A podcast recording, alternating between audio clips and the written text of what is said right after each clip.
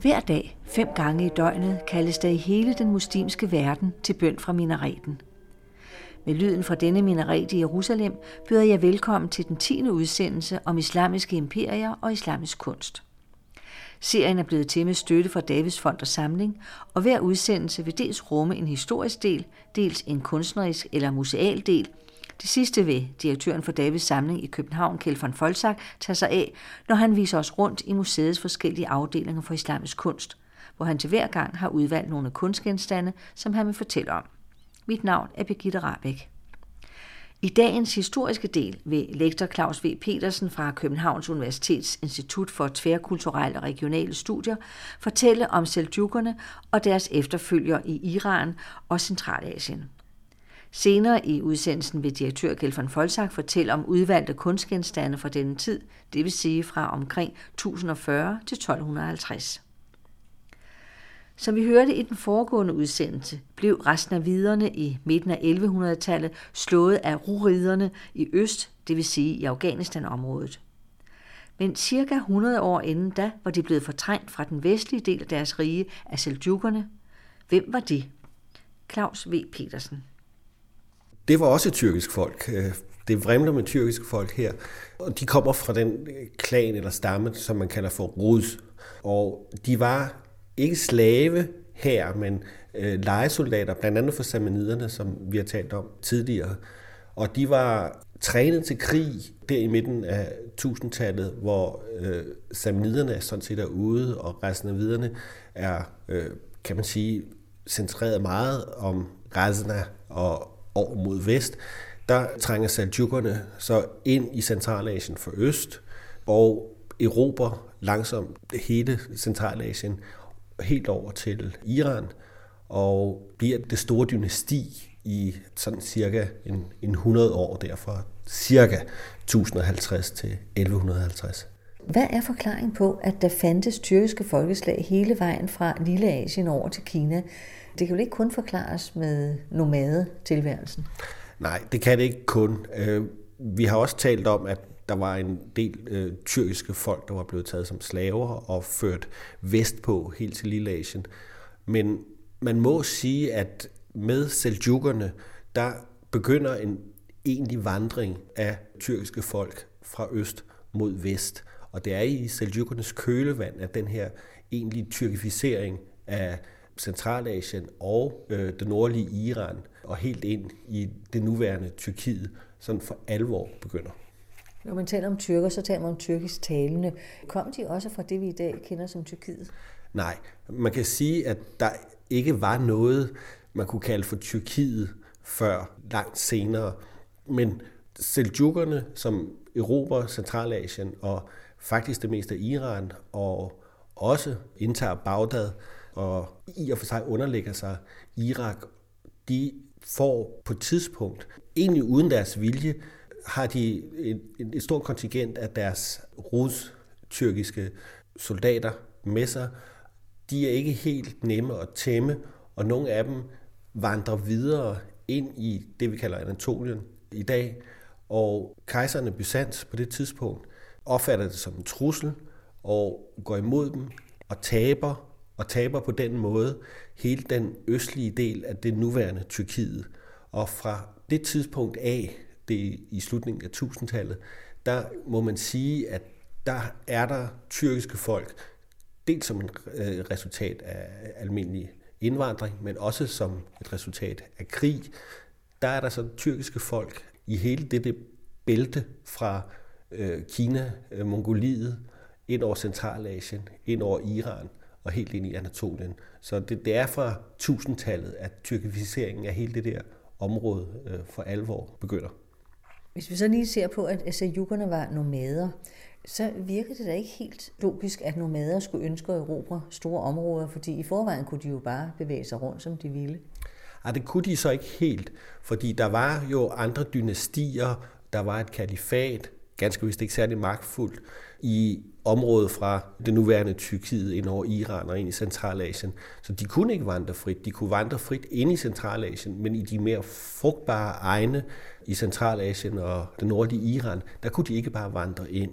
Så derfor så var det vel en fristelse, simpelthen at underlægge sig det her område militært, hvad de så også gjorde og blev den store magt i slutningen af 1000-tallet og begyndelsen af 1100-tallet, og regerede jo, kan man sige, hele Centralasien, Iran, noget af det nuværende Irak, øh, med hovedsæde flere forskellige steder ganske vist, øh, men til en begyndelse øh, fra øh, det gamle Rey, som ligger lige syd for nuværende Teheran. Senere blev deres hovedstad rykket videre sydpå til Esfahan, og i slutningen af Seljuk-perioden, der er det så Marv, som er hovedbyen. Det var sultan Sanjad på det tidspunkt, og Marv ligger i dag i det moderne Turkmenistan. Hvad kom det til at betyde for det politiske liv, at det var nomader, der sad ved roret?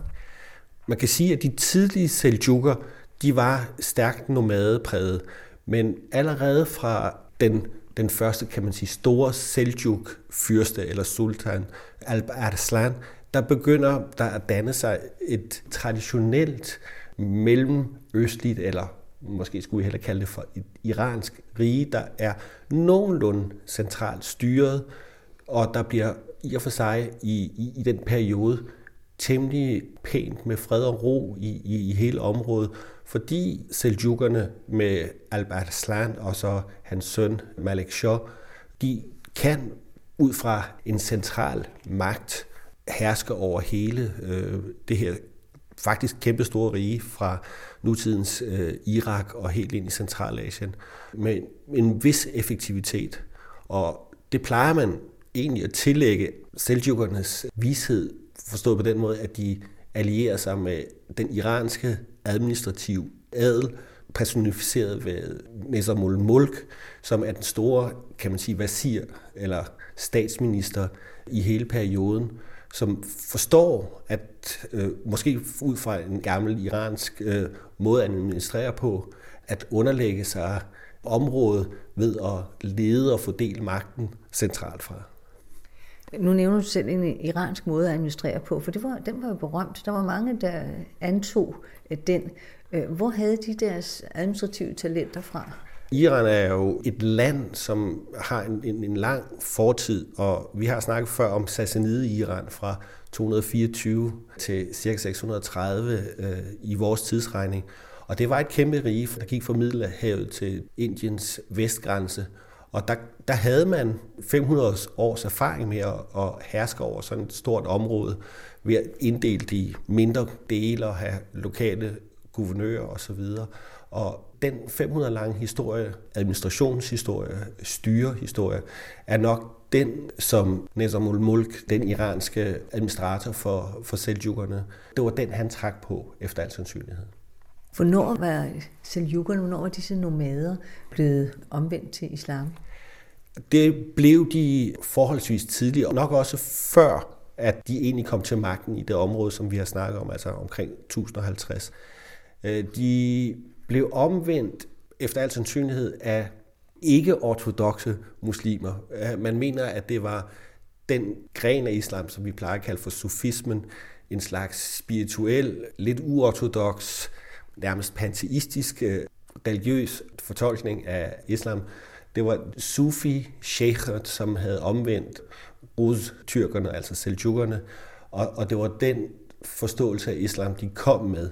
Men lige så snart, at de havde sat sig på magten i Iran med Alp Arslan og, Malik Shah, så blev det til en meget mere ortodox sunni-islam, der, der ligesom mistede sufismens sådan uortodoxe, spirituelle, pantistiske natur.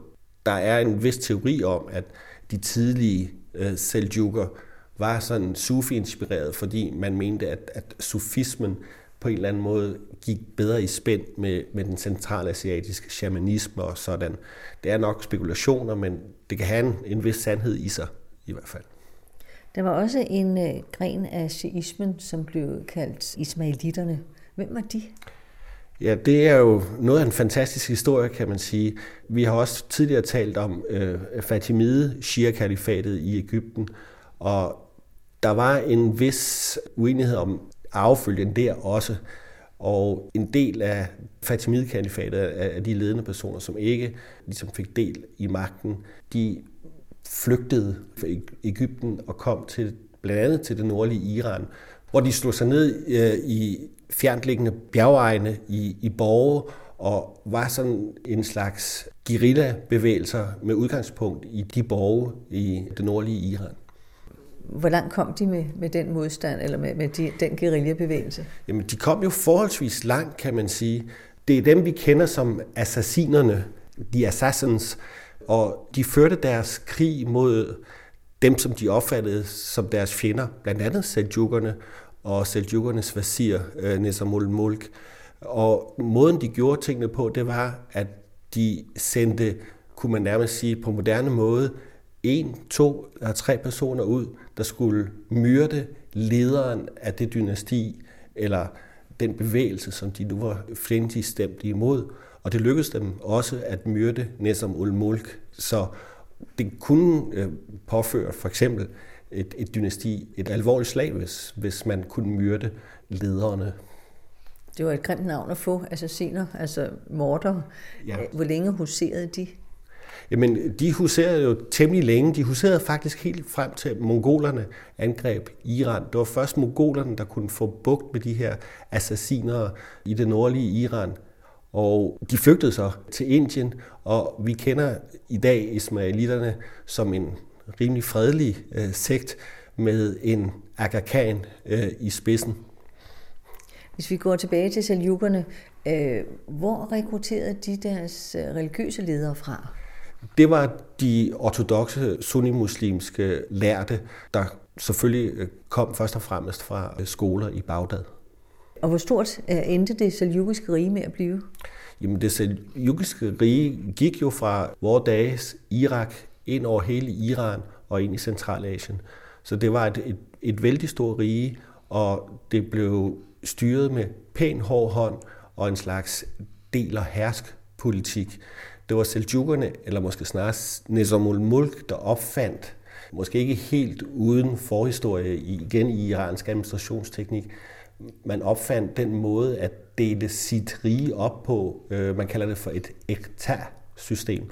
At man delte riget op i forskellige mindre provinser, forærede provinserne til en, et familiemedlem, til en militær befalingshavende, til en guvernør, så var det meningen, at denne person skulle regere det område i fuld forståelse med centralmagten, men hvor regenten så, den lokale regent så fik skatteindtægter og så videre fra område. Og det var en vældig god måde at gøre tingene på, fordi det betød, så længe at øh, centralmagten var stærkt, at man havde en lille hær af småkonger rundt omkring i det store rige, der kunne holde styr på alle oprørsbevægelser og på lokalbefolkningen osv. Det var så til gengæld et stor øh, ulempe i det øjeblik, at centralmagten var svag, fordi så var der en tendens til, at den lokale guvernør lige pludselig så sig selv som at være den egentlige hersker, og man opkastede sig så i forskellige egne, blandt andet i Irak og i Centralasien. Øh, der opkastede de lokale guvernører sig til at blive sultanen i stedet for sultanen. Og øh, hvor holdt centralmagten til? Centralmagten var i Rey, altså næsten Teheran i dag, eller i Isfahan, eller i Marv. Men man skal ikke forestille sig, at centralmagten, altså sultanen, øh, Seljuk sultan, befandt sig der ret meget af tiden. Det var mest almindeligt, at sultanen var på tur rundt i sit rige for at øh, kontrollere, at alting gik til, for at blive underholdt, også økonomisk, af de lokale guvernører, og det var også sultanen, der med hele sit følge, når han kom til en særlig egen og slog sig ned i, i kortere eller længere tid, der ligesom præsiderede for en, man kunne kalde det for en domstol, hvor man kunne komme til som lokal klager og klage til selve sultanen over, at man blev beskattet for hårdt, at man fik frarøvet sin jord osv. Så, så man skal ikke forestille sig en centralmagt, der er i en by. Øh, centralmagten under Seljukkerne var et evigt turnerende nærmest øh, sultan, der var på vej rundt i sit rige for at skabe retfærdighed, men også for at kontrollere, at øh, der ikke var nogen oprør rundt omkring. Hvad med den militærmagt? Var den heller ikke centraliseret? Jo, det var den også, fordi øh, Seljuk-sultanen øh, havde ligesom forladt sig på, at det var hans egen Ruds tyrkiske soldater, som ligesom skulle hjælpe ham til at erobre hele øh, det område, som faktisk blev erobret. Men rustyrkerne er organiseret på en anden måde, end en nationalstat er. Det var løse konfederationer af klaner, forskellige rusklaner, og man var parat til at acceptere sultanen som herskeren, så længe man var i krig, man kunne få udbytte osv. Men i fredstid havde man ikke sådan nogen intention om at øh, følge sin øh, Seljuk sultan, og så drog man sine egne veje. Og man kan ikke have et stort rige, og så samtidig ikke en pålidelig hær. Så det, som Seljukerne også gjorde, ligesom vi har hørt om resten af viderne og samaniderne, det var, at de måtte simpelthen have sig en købt stående her på en cirka 10-15.000 mand, mener man, øh, som selvfølgelig så skulle betales hele tiden. Men det var så en pris at betale, fordi man kunne ikke tro på, at rus soldaterne ville være trofaste over for Seljuk-sultanen, så, så man var nødt til at simpelthen at købe sig en fast stående her. Altså, som nævnt, så var seljukkerne øh, tyrkere, men øh, ikke desto mindre, så var det den persiske kultur og tradition, som de fremmede. Hvad er forklaringen på det? Ja, først og fremmest kunne man måske sige, at administrationsapparatet jo var persisk, og det var persere, der sad overvejende som administratorerne af det store rige. Så har vi så talt tidligere om, at den iranske eller persiske kultur ligesom var prestigekulturen. Det var den, man digtede på. Det var den, der havde en fortid mange århundreder tilbage. Så seljukkerne har sikkert haft en fornemmelse af, og måske også en, en, en beundring for iransk og persisk kultur, som har gjort, at det var den, man bekendte sig til, fordi det var poesiens og administrationens sprog. Persisk var altså det officielle sprog?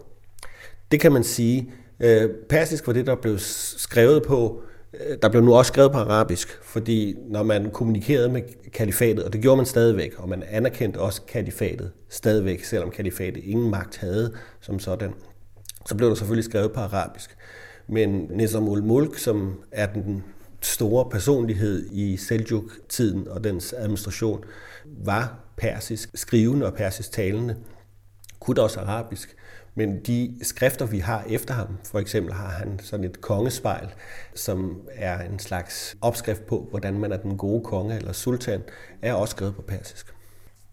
Hvad gjorde øh, seljukkerne for at fremme uddannelse og videnskab i deres rige? Nu kan man sige, at her begyndte man også at have en interesse i filosofi, forstået på den måde, at det var den religiøse filosofi, og man var protektorer og patroner for forskellige videnskabsfolk fra den periode. Man havde en, vel en ambition om også at nå op på et niveau, så man kunne ligesom måle sig som muslimsk filosofi, at den kunne måle sig med for eksempel aristotelisk øh, filosofi. En af de kendteste videnskabsfolk fra den tid, øh, det var teologen eller filosofen Al-Razali. Hvem var han? Ja, han var oprindelig iraner igen, født i Tus nær øh, Nishapur, og var måske den samlende filosofiske kraft i perioden der fra 1050 til lidt ind i 1100-tallet.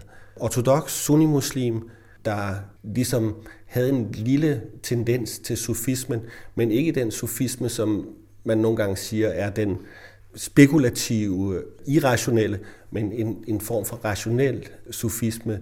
Al-Ghazali, han var en filosof, der sagde, at Gud er rationel. Alt i denne verden er skabt af Gud rationelt, og, og Guds rationalitet ligesom gennemstrømmer hele verden.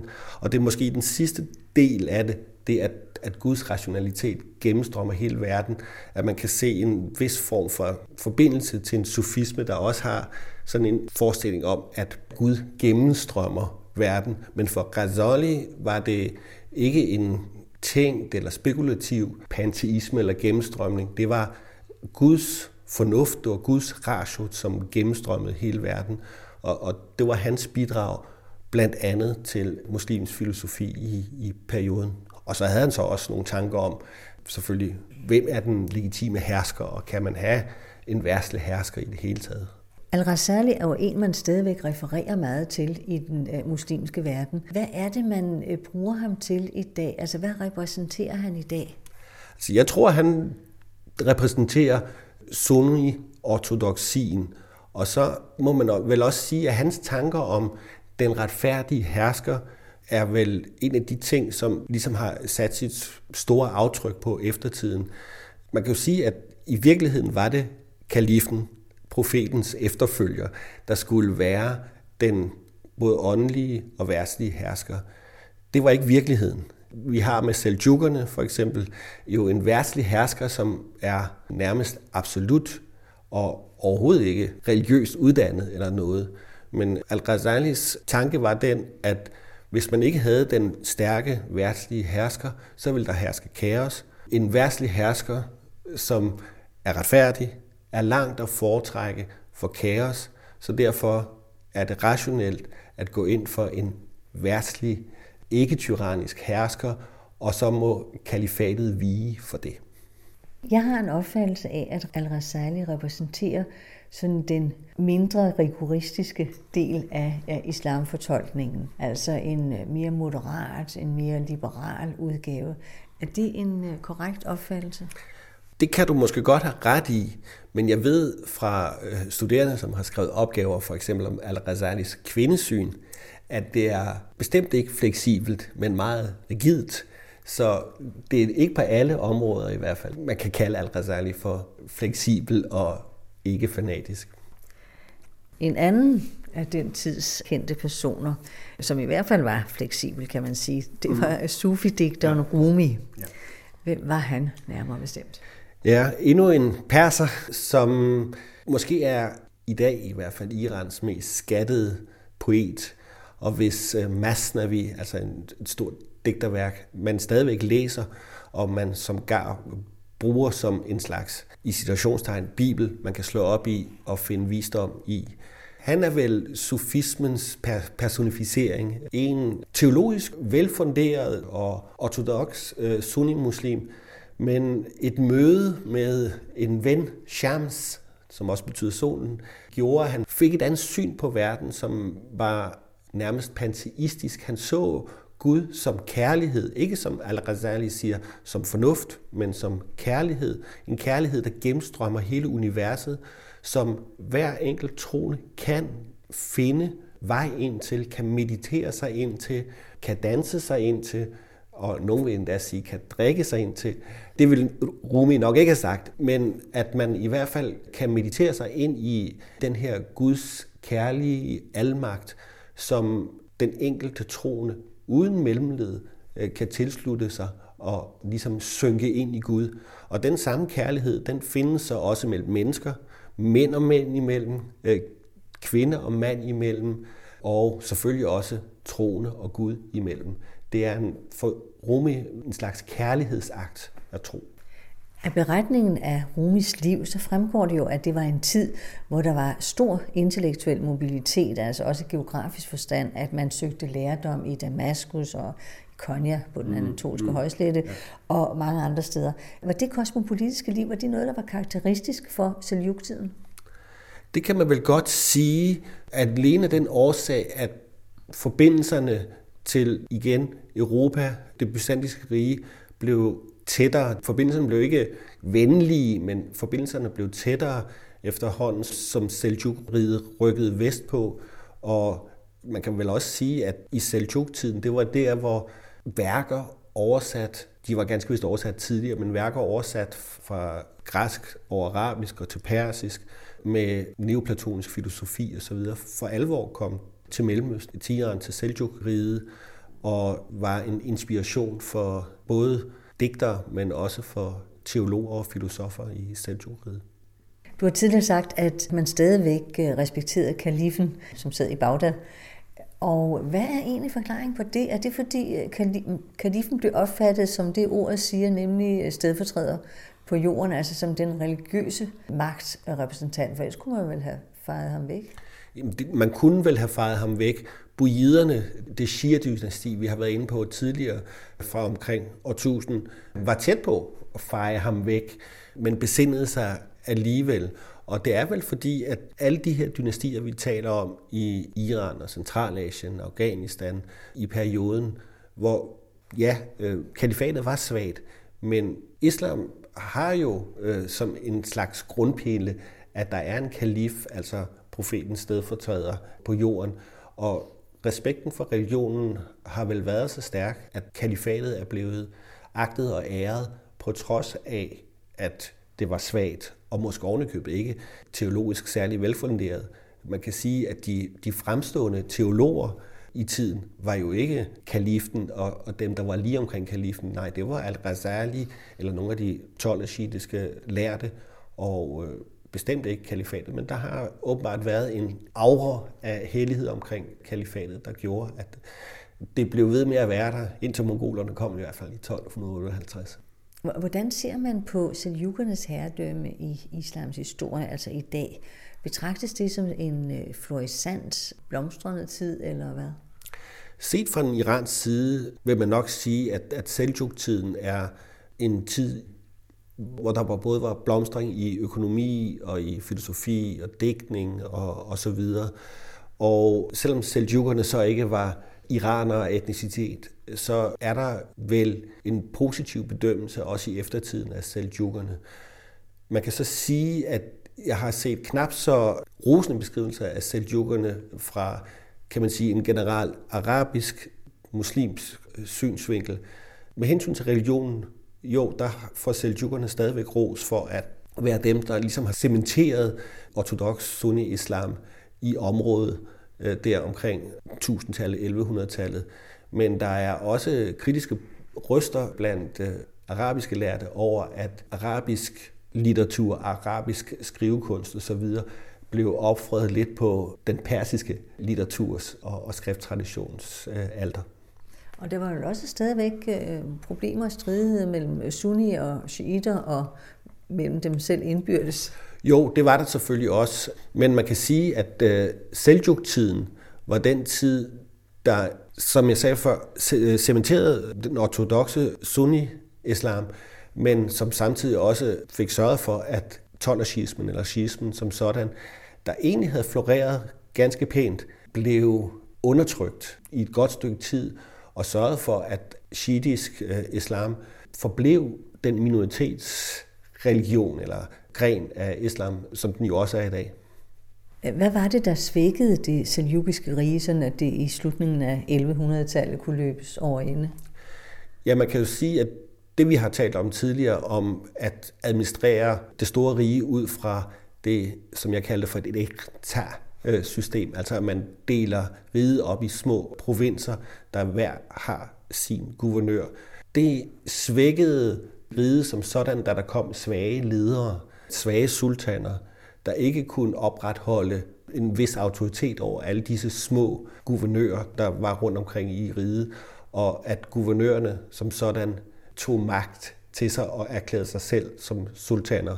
Samtidig med jo selvfølgelig, at øh, mod øst, der troede endnu en, en bølge af indvandrere, som var seljukere bare i en anden generation, som angreb seljukriget. Også øh, tyrkiske nomadefolk, som blev seljukernes endeligt. Den sidste stærke seljuk-sultan, Sanjar, blev underkøbet taget til fange af disse indvandrere og måtte købe sig fri.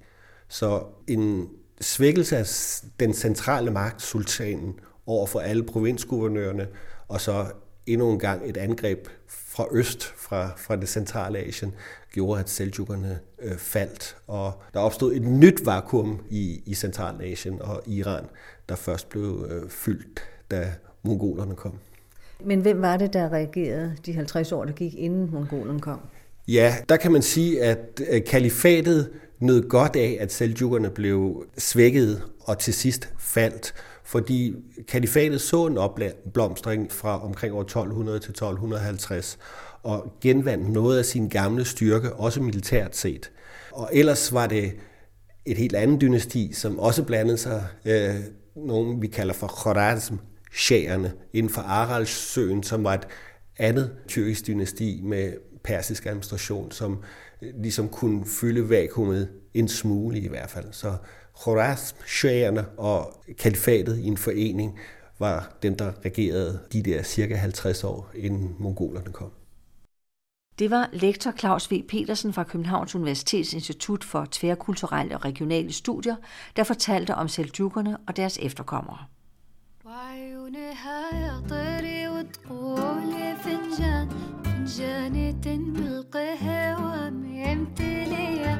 وعيونها يا طهري وتقولي فنجان فنجاني بالقهوة ممتلية يا عيونك سود وحلوة يا عيونك سود وحلوة يا عيونك يا عيونك يا عيونك Vi skal nu på besøg på Davids samling, hvor direktør Kjeld von Folsak vil fortælle om udvalgte genstande fra den tid.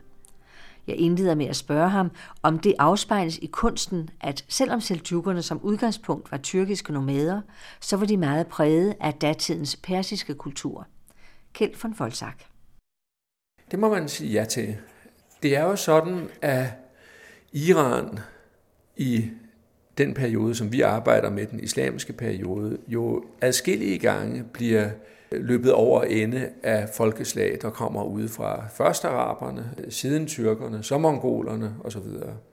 Og hver gang må man sige, at der sker selvfølgelig nogle forandringer, der sker noget nyt hver gang, men der sker også meget typisk det, at i løbet af ganske få år, så er det i virkeligheden Iran, der erobrer erobrerne, havde jeg sagt. Altså det er den iranske kultur og den måde, man har levet på i det her store område, og meget gamle kulturområde, som i virkeligheden får magten over de nye folkeslag, der kommer ind.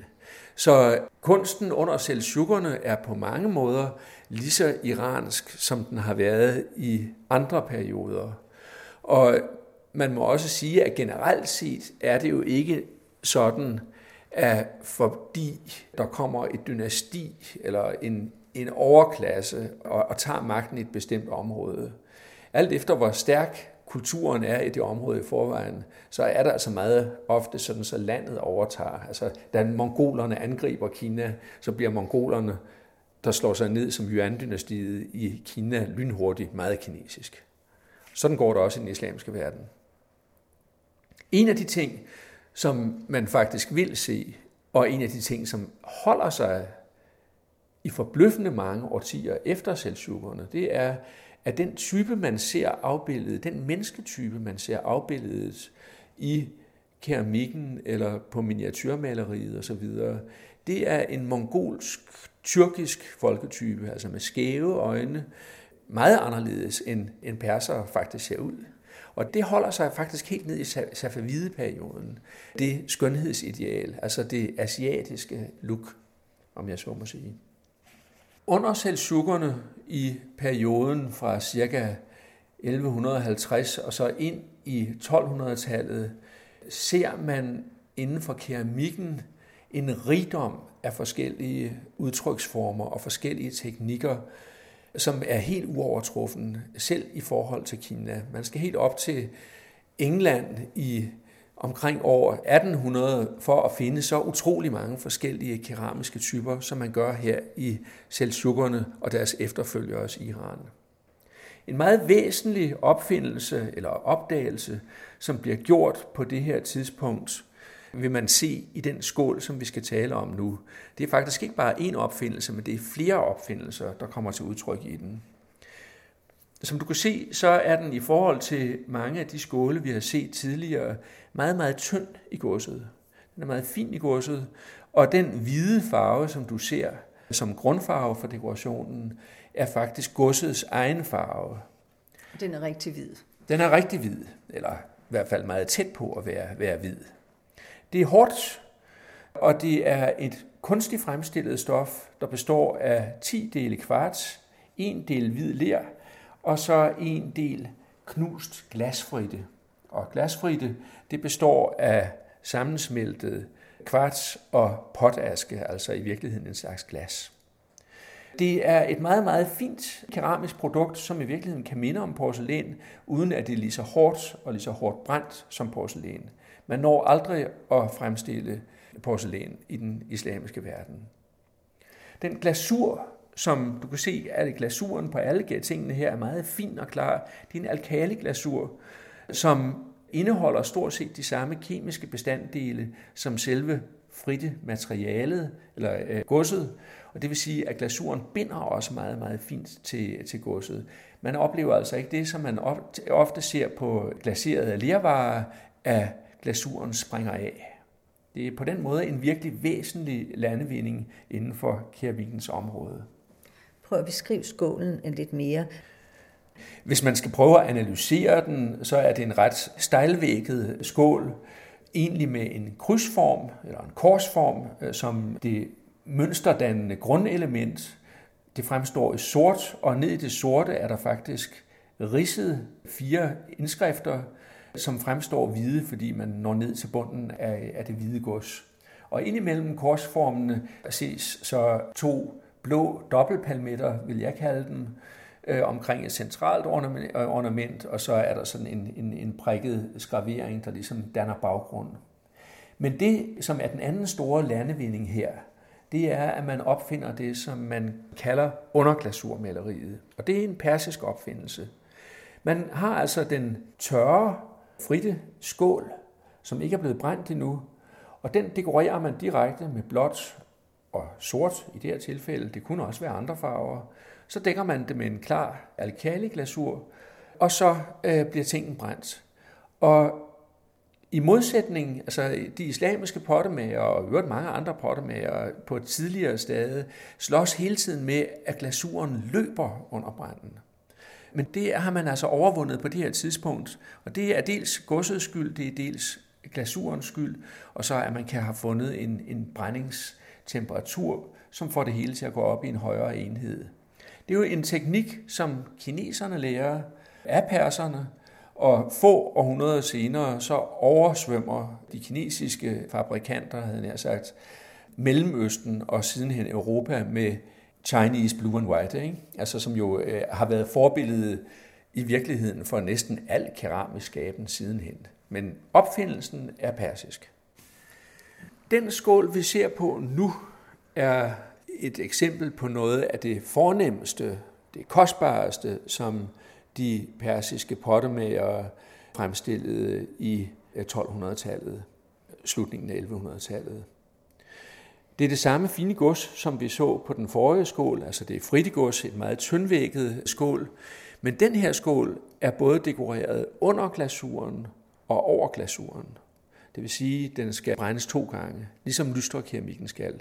Det gør, at den i sig selv allerede bliver meget kostbar. Og derudover ser du, at der er en rig, rig farvepalet taget i brug her. Der er sort, der er rødt, der er blåt, der er turkisgrønt, og der er guld og andre nuancer. Guldet og nogle af farverne, for eksempel den røde, bliver lagt på over glasuren efter den første brand. Man kalder den her type keramik for minai-keramik. Minai er persisk og betyder emalje og det er farverigdommen, øh, som har givet den øh, sit navn. Hvis man prøver at se på motivet, så ser vi her for første gang egentlig et meget klart og tydeligt gengivet maleri. Det er en mand og en kvinde, der sidder ude i naturen. Der er en skakternet cypres ude den ene side. Over deres hoved flyver der fugle, og under dem er der en lille dam med fisk. Han sidder med en flaske i hånden, og hun sidder med et bæger, og der er ingen tvivl om, at han om et øjeblik vil skænke hende, eller lige har gjort skænke hende et dejligt glas vin. Og meget karakteristisk for de her skåle fra den her periode, er det netop ofte det gode liv, der skildres det er en overskudskultur, hvor man har tid til at sidde og være åndfuld sammen med sin elskede, eller sammen med en god ven, eller som vi kan se i fadet oppe, en hel gruppe folk, der sidder og mediterer sammen. De er rigt klædte.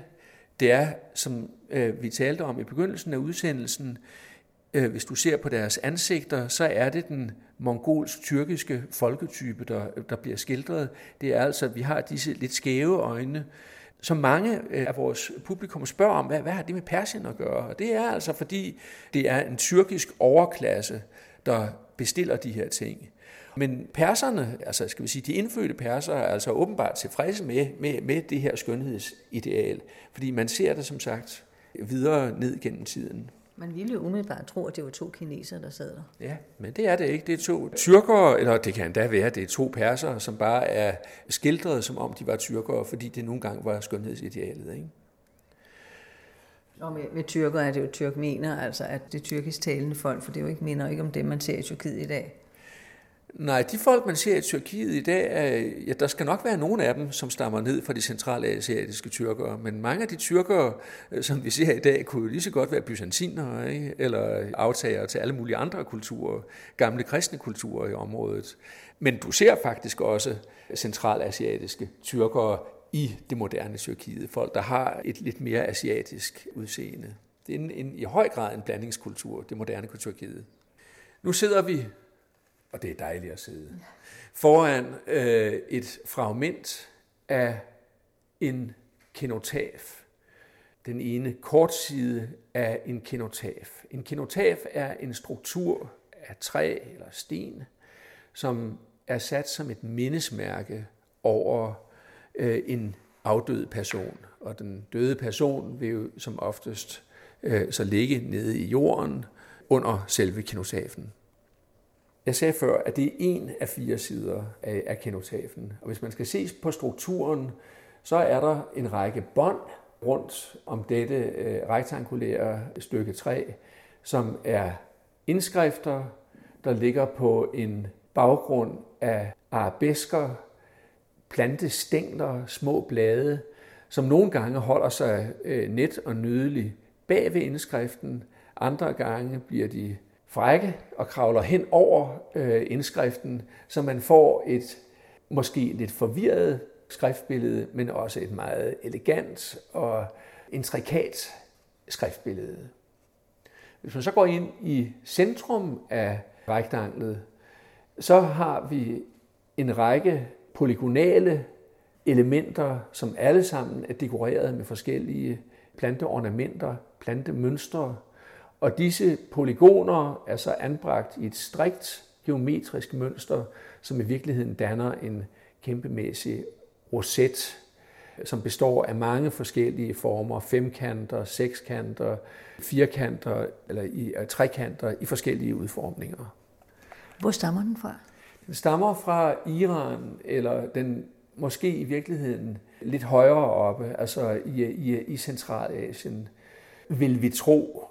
Vi ved det ikke. Altså, vi ved, at den kommer fra en japansk privatsamling og en mand, som arbejdede i Centralasien en gang i 30'erne. Og vi går ud fra, at det er derfra, den stammer, og det er der, det er der meget, der tyder på, når man ser på de stilistiske træk. Teksten fortæller, at kenotafen er sat over Bakra, datter af Ishak, søn af Mardavich, der er vasal af de troendes beherskere. Og bedstefaren er muligvis identisk med en tidligere Ghaznavidisk general, er det navn, som tjente Seljuk-sultanen Tugril som guvernør i Gurgan i 1041. Det er bedstefaren, så det vil passe nogenlunde med, hvis det er øh, den person, der taler om, og det kunne godt tyde på det, at sønnedatteren Bakra er død omkring år 1100, og det er der, hvor man stilistisk ville, ville anbringe den her ting. Og det passer også med Kulstor 14-dateringerne af den. Altså det betyder, at også kvinder blev æret med noget så flot som det her? Ja, det gør det. Altså, øh, vi kender faktisk en del eksempler på, at kvinder har en ret fremtrædende plads, specielt inden for de tyrkisk-mongolske folk. Ikke så meget hos araberne. Men selv hos araberne er der lejlighedsvis slået mønter, for eksempel, hvor kvinders navne er på. Men vi har også kvindelige regenter, og vi har eksempler på kvinder, som i hvert fald er regenter for deres mindreårige børn, sammen med en storvisir osv. Så, så dette billede af kvinder som et totalt undertrykt køn er ikke entydigt. Det er meget forskelligt fra periode til periode, og som sagt, blandt tyrkfolkene og de mongolske folk øh, er der slet ikke øh, det problem. Så er vi gået tilbage til morgentrøjen med parret, der sad på den smukke skål. Og der er det et skrin, som du har udvalgt. Ja, det er ikke bare et skrin. Det er nemlig et, ja, det er faktisk et fragment af et skrin. Men det er et skrin med en meget indviklet kombination slås på. Det var sådan, at de eksakte videnskaber faktisk stod meget stærkt i den islamiske verden, specielt i de første århundreder efter kalifatets grundlæggelse. Den viden, som man havde i Byzans og i Iran og ikke mindst i Indien om øh, eksakte videnskaber, blev nu pludselig tilgængelig i et meget, meget stort område, hvor man havde et fælles sprog og en fælles skrift. De fleste kunne arabisk. Så man får pludselig altså en enhedskultur i stedet for tre fjendtligt stillede kulturer over for hinanden. Det betød et vældig opsving i øh, de eksakte videnskaber som astronomi, matematik, fysik, lægevidenskab osv. Ret langt fra Isfahan, hvor det her skrin øh, er fremstillet, nemlig i det indre Anatolien, der var der omkring år 1200 en mand, der hed Ibn Rasas al-Jassari, som skrev en bog, der hed Bogen om sindrige mekaniske indretninger. Og i den bog, vi har jo en illustration fra den inde ved siden af, øh, men i den bog beskriver han blandt andet et skrin med en kombinationslås, som faktisk er stort set identisk med den, vi står og ser på her. Den, vi ser på nu, er fremstillet af Muhammad ibn Hamid al-Astolabi al-Isfahani i 1200. Af hans nisba, altså hans tilnavne, forstår man både, at han kommer af en astrolabmagerfamilie, og han kommer fra Isfahan. Og det er også der, hvor skrinet er fremstillet. Det man umiddelbart ser, hvis man ikke er teknisk minded, er låget på et skrin med, med rige beslag, arabeske beslag, og med meget, meget smukt indgraverede og sølvindlagte indskrifter hele vejen rundt, mønstre og så videre. Også et fantastisk geometrisk mønster ovenover, der så ud som det kunne være lavet i en geometritime for ikke så forfærdelig lang tid der siden, men det er der altså ikke. Men det, der er selvfølgelig den væsentlige del af, af tingen som teknisk ting, er de fire knopper, som du ser foran. Det er nemlig fire dobbelte drejeskiver, øh, der hver for sig kan indstilles i 16 forskellige positioner, angivet med små bogstaver. Og det giver altså over 4 milliarder kombinationsmuligheder. Så du har altså en del øh, forskellige forsøg, inden du er i stand til at åbne det her skrin. Det fungerer sådan, at, at skrinets lås er blokeret med en plade, og for at trække pladen ud, så skal kombinationen altså være helt rigtig. Ellers så kan du simpelthen ikke få den ud. Har I fundet kombinationen? Ja, nu er det jo sådan, at den nederste del af skrinet mangler, så derfor kan man komme til mekanismen indenfra, så det er ikke så svært, men den fungerer faktisk stadigvæk den dag i dag. Og hvad der er særligt snedigt, det er, at der er ikke kun én kombination. Du kan stille, altså du kan, du kan faktisk indstille den, sådan så du kan øh, forandre den. Hvad har der mon været i sådan et skrin, siden det var så vigtigt at have så mange muligheder for at holde det skjult? Ja, det er svært at sige. Altså skrinet har jo haft nogenlunde den størrelse, som man kan se på den rekonstruerede træunderdel nedenunder. Lidt mindre end af fire ark, ikke? Lidt mindre end af fire ark, ja. Og så øh, er den vel øh, 20 cm høj. Men altså, der kunne have været smykker i, der har kunne være guldmønter i. Men som jeg ofte siger, når jeg har omvisninger i museet, det var nemmere at, at løbe med skrinet, end at, at stå og bakse med kombinationerne. Det er både sikkert og vist. Jeg nævnte før, at skrinet er dateret 597 øh, efter Hitler, hvilket svarer til 1200 til 1201. Det er jo sådan, at den islamiske tidsregning er baseret på en månekalender, og det vil sige, at året er en lille smule kortere. Så de fleste, man kan, man kan ikke lave en direkte omregning fra Hitler-år til vores julisk-gregorianske kalender. Og det gør det en lille smule besværligt. Det vil sige, når man oversætter et år som 597, så får man altså ofte året 1200 til 1201. Det vil altså dække flere år, hvilket er lidt besværligt. Det var direktør for Davids samling, Kjeld von Folsak, der præsenterede udvalgte kunstgenstande. Tidligere i udsendelsen fortalte Claus V. Petersen fra Københavns Universitets Institut for Tværkulturelle Regionale Studier om seljukkerne. I den næste udsendelse vil studielektor June Dahi fortælle om mongolerne. For tilrettelæggelsen står jeg, Birgitte Rabeck. وكفوفها يا طيري تحمل فيها الغيم يا غيمة على الموارث معتلية وكفوفها يا طيري تحمل فيها الغيم يا غيمة على الموارث معتلية يا عيونك سود وحلوة يا عيونك